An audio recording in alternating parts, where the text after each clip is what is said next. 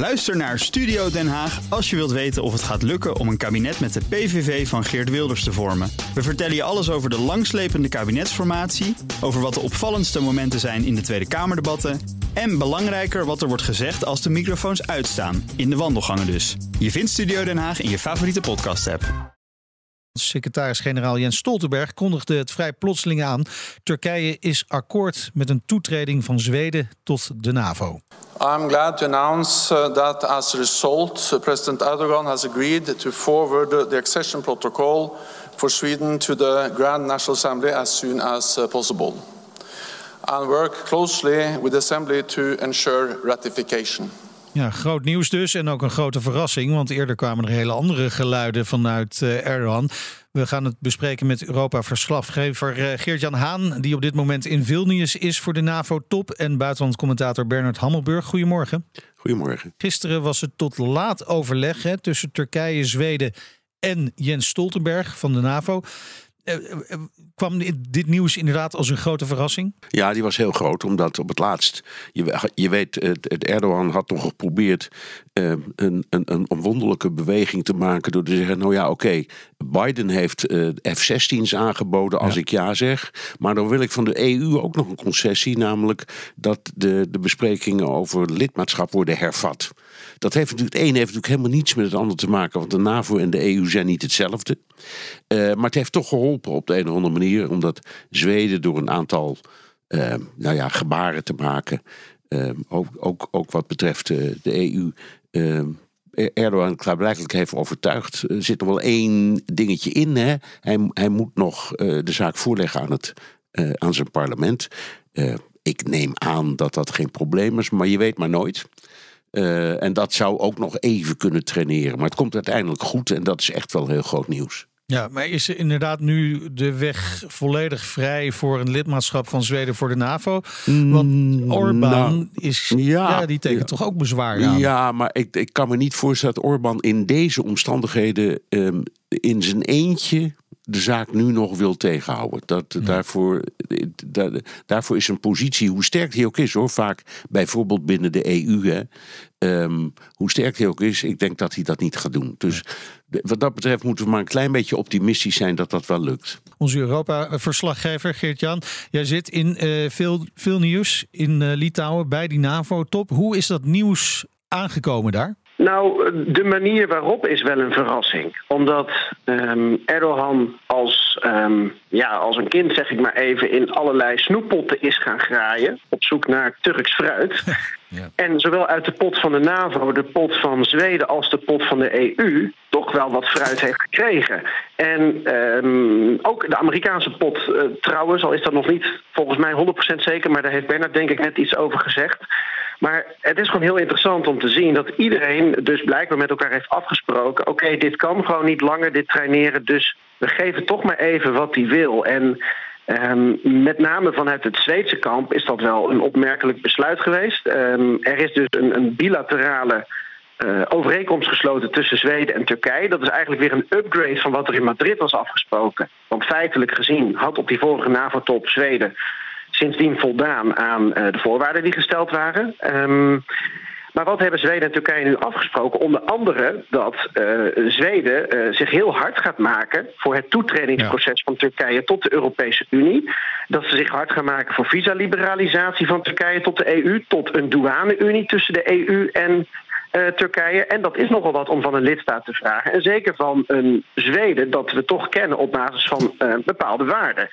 Dus dat vond ik wel opmerkelijk. De totstandkoming van, uh, van deze deal, waarbij dus uh, uh, ja, iedereen wel wat snoepjes heeft gegeven. Ja, gisteren dus eigenlijk al heel groot nieuws hè, van die NAVO-top. terwijl die vandaag pas echt gaat beginnen. Kunnen we hiermee zeggen dat deze NAVO-top in ieder geval wat betreft de NAVO-leden en het Westen dan al volledig is geslaagd? Wat betreft de, de, de NAVO-leden wel, denk ik. En hiermee is ook uh, het frame uit de lucht dat deze NAVO-top in veel nieuws een tussentop zou zijn. Want uh, na de top in Madrid vorig jaar, die werd door Jan en Alleman historisch genoemd.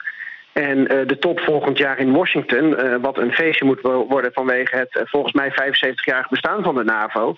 Um, ja, kun je zeggen dat er nu in ieder geval al een succes is geboekt en er kou uit de lucht is. En je ook verder kunt praten met Erdogan over andere zaken die belangrijk zijn. Ja, maar verder praten, hè, dat betekent dus ook dat er vandaag nog van alles besproken wordt in de komende dagen. Wat staat er vandaag op de agenda?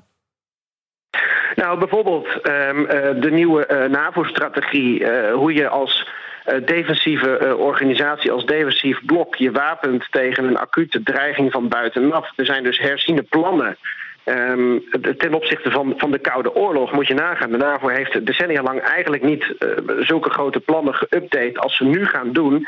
En ook daar leek het er even op dat Erdogan lastig ging doen. Maar daar heeft hij wel uh, weer een, um, een keutel ingeslikt of ingetrokken. Um, dus op die manier zie je dat je met iedereen moet uh, uh, blijven praten. Nou ja, vandaag zal het natuurlijk weer over uh, Oekraïne gaan. Ja. Um, en dat is een ander, ander thema. Ja, want er wordt bijvoorbeeld gesproken over de levering van clusterbommen aan Oekraïne hè, vanuit de Verenigde Staten. Maar ook de uitbreiding van de flitsmacht en versterking van de oostflank. Bernard, betekent dit ook een beetje dat er uh, in het Westen niet meer helemaal geloofd wordt in een totale overwinning van Oekraïne. Hè? Dat ze ja. alle gebieden terug kunnen veroveren? Ja, nee, dat precies. Dat, dat zijn zeer verontrustende dingen. En nou, formeel is de levering van wapens niet een NAVO-zaak, maar een zaak van de individuele NAVO-leden. Dus je kunt uh, er wel iets van vinden, maar het, het kan formeel niet op de agenda. Maar het is wel een heel groot punt, die clustermunitie. Uh, in de eerste plaats omdat iedereen uh, dat, het gebruikt door in het algemeen. Er zijn 123 landen die daar een conventie tegen hebben getekend. Rusland, Amerika en Oekraïne overigens niet. Maar goed, het, het, wat is nu het bijzondere hiervan? Dat, uh, dat Biden heeft dat ook gewoon toegegeven. Oekraïne raakt door zijn munitie heen en de wereld kan niet meer leveren. Je kunt het gewoon niet bijhouden. Dus het is een soort wanhoopsgreep. Um, en dat uh, vind ik verontrustend. Het feit dat ze dit vreselijke wapen moeten inzetten omdat ze zeggen: ja, anders hebben we het niet. Dat betekent dat al die verhalen over de enorme slagkracht van Oekraïne toch een iets ander licht komen te staan. En wat betreft die, die, die, die, die flitsmacht die, wordt, die ze willen uitgebreiden, er zijn nu uit mijn hoofd 12.232 um, soldaten beschikbaar in de acht oostflanklanden. En er ligt een plan, eh, onder andere van Rob Bauer, eh, de Nederlandse militaire man van de, van de, van de NAVO, om uh, dat misschien uit te breiden tot een brigade per uh, uh, het Oostblokland. Dat zijn er acht. Nou, een brigade is 5000 man. Dan kom je op 40.000 man. Uh, overigens niet tegelijk hoor. Dat is dan een ja. rotatieschema, maar toch. En die wil, wil zelfs gaan naar 300.000 man. Dat gaat over. De, dat is wel een interne NAVO-zaak. Dat is een heel grote kwestie. Maar wat ik me nu afvraag is: als we al denken dat Oekraïne in staat zou zijn om Rusland te verslaan, waarom hebben we dan in vredesnaam zo'n enorme extra macht nodig in, uh, uh, uh, in Oost-Europa? Want, want ja, als, als, als ons frame klopt, ja, ja, ja, Dan, is, dan, is, dan is Rusland binnenkort uh, uh, uh, nog maar een slap landje. Dus dit betekent, betekent impliciet dat we het zelf niet helemaal geloven. Nou, ja en nee. Het is natuurlijk ook uh, om, omdat je als NAVO uh, weer uh, veel meer afschrikking wil, wil uitstralen. En er ook genoeg landen zijn binnen dat NAVO-blok die zeggen. Rusland komt over een paar jaar weer terug. Rusland staat altijd wel weer op. Um, laat staan dat er andere gevaren uh, vanuit het oosten kunnen zijn. Dus uh, ik denk dat het ook echt de Russische. Het is vergelijkbaar met de Russische tactiek. Hè? Rusland heeft ook al sinds jaar en dag dat ze vooral een afschrikwekkende macht willen zijn. Vanuit nucleair. Ze hebben geweldig luchtafweer geschud. Ze zijn nu heel goed in electronic warfare. In de eerste plaats is ook Rusland een defensief opgesteld land. En ik denk dat de NAVO nu doorheeft van we moeten daarin mee, want het is een andere wereld.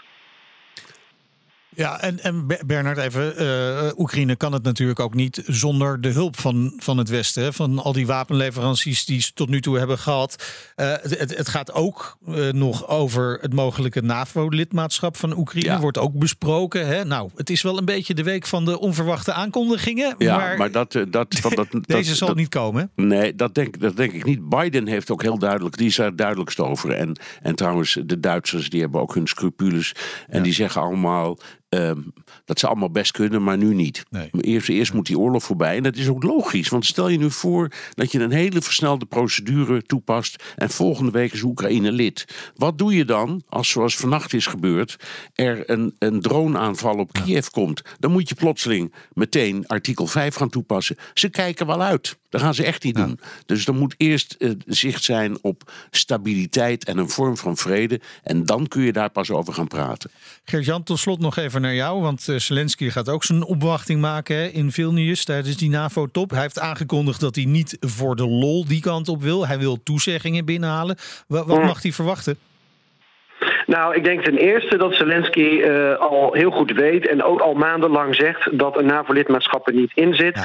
Dus het gaat hier echt over een NAVO-lidmaatschap in de toekomst of over uh, veiligheidsgaranties in welke vorm dan ook. En ik denk dat met name dat laatste, dat Zelensky daarop uit is. Want een toezegging tot de NAVO, ja, dat heeft, heeft Oekraïne in feite in 2008 al een keer gekregen met Boekarest. Um, Stoltenberg geeft ook aan, ja, we willen dat eigenlijk een, een herbevestiging geven, maar er moet wel iets bij. Het moet een herbevestiging plus zijn. Um, en ik denk de kracht van uh, Zelensky, ja, Bernard heeft dat ooit uh, aan mijn naam gekoppeld, uh, de Haan-doctrine genoemd.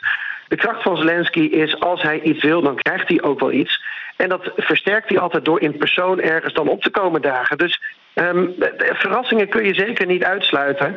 En ook omdat de NAVO wel iets aan Zelensky moet geven.